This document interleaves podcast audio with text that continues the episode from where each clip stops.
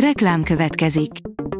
Ezt a műsort a Vodafone Podcast Pioneer sokszínű tartalmakat népszerűsítő programja támogatta. Nekünk ez azért is fontos, mert így több adást készíthetünk. Vagyis többször okozhatunk nektek szép pillanatokat.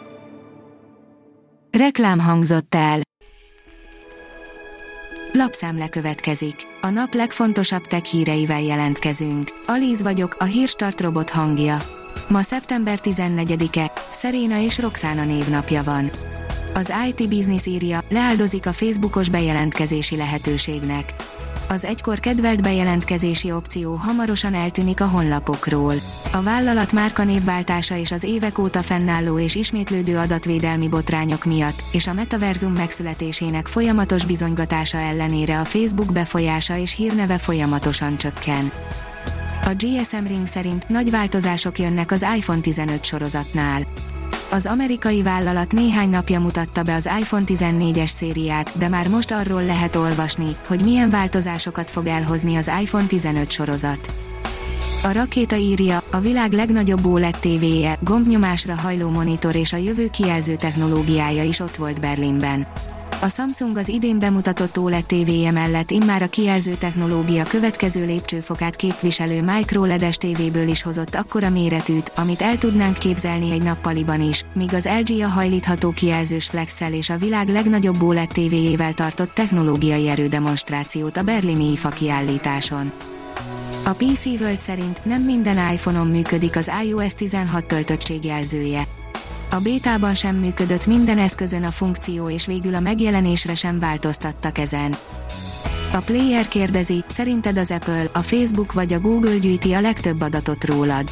Az adataiddal fizetsz az ingyenes szolgáltatásokért. A kérdés már csak az, hogy mennyit tudnak rólad.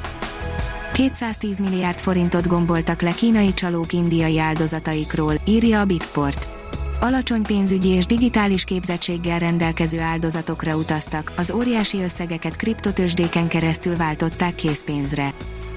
A Digital Hungary teszi fel a kérdést, informatikusok, valójában mit szeretnétek? Az IT realitás mozgalom szervezői kérdőíves kutatást indítottak szeptember elején a munkáltatók és az informatikusok körében. Az utóbbi célja többek között az, hogy kiderüljön, valójában mit is szeretnének az IT szakemberek. A történelem legforróbb időszakát éljük, írja a 24.hu. Antonio Guterres ENSZ főtitkár szerint a klímaváltozás hatásai mindenkit fenyegetnek. A tudás.hu szerint negyedik alkalommal rendezik meg Székesfehérváron az elektromos járművek napját. Menő jövő címmel a Székesfehérvári Közösségi és Kulturális Központ az idén negyedik alkalommal szervezi meg az elektromos járművek napját. A városban szeptember 18-án találkozhatnak az érdeklődők a technika legújabb vívmányaival, az érvényes jogosítványjal rendelkezők a járműveket ki is próbálhatják. Fityiszt mutat a pörgő streamingiparnak az IKEA újítása, írja az IPON a vállalat úgy döntött, hogy egy lemezjátszóval rukkol elő, ami persze nem légből kapott ötlet, a bakelitek iránt napjainkban egyre nagyobb az érdeklődés.